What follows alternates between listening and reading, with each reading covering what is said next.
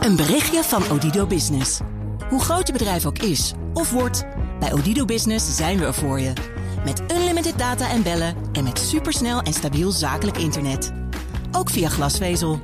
Ontdek wat er allemaal kan op odido.nl/slash business. Het kan ook zo. De column van Paul Lasseur.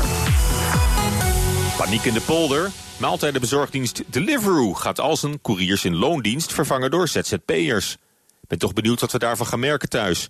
Als de pizza of spare rib straks niet meer door een werknemer worden bezorgd, maar door een kleine zelfstandige.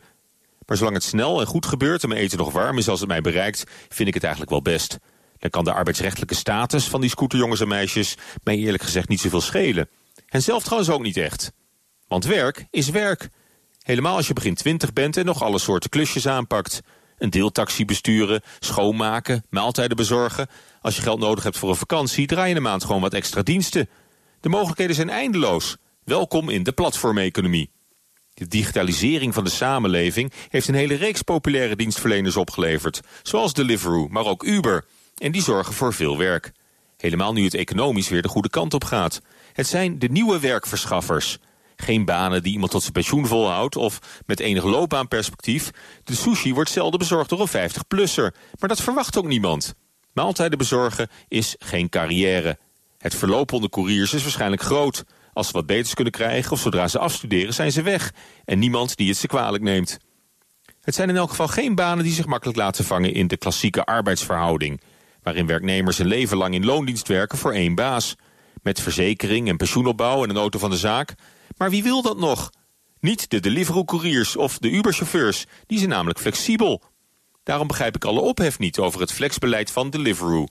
Het is namelijk een win-win situatie. Niet alleen het bedrijf, maar ook de bezorgers worden hier beter van. Ze kunnen voortaan zelf bepalen wanneer ze werken... en gaan bovendien per bestelling meer verdienen. Toch klinkt felle kritiek van links tot rechts. Vakbond CNV en ZZP Nederland spreken van uitholling van werknemersrechten... en zelfs het verzieken van de arbeidsmarkt.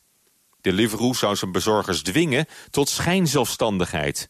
Een fiscale constructie om onder werkgeversverplichtingen uit te komen. Want het zijn geen echte ondernemers. Maar ja, het zijn ook geen normale werknemers. Dat is net zo goed een schijnconstructie.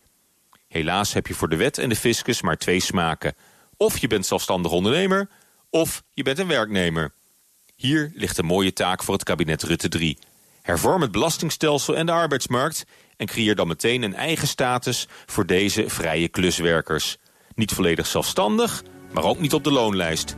Want werken staat steeds vaker los van baan of bedrijf.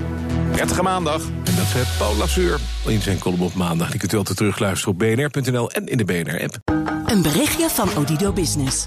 Hoe groot je bedrijf ook is of wordt, bij Odido Business zijn we er voor je.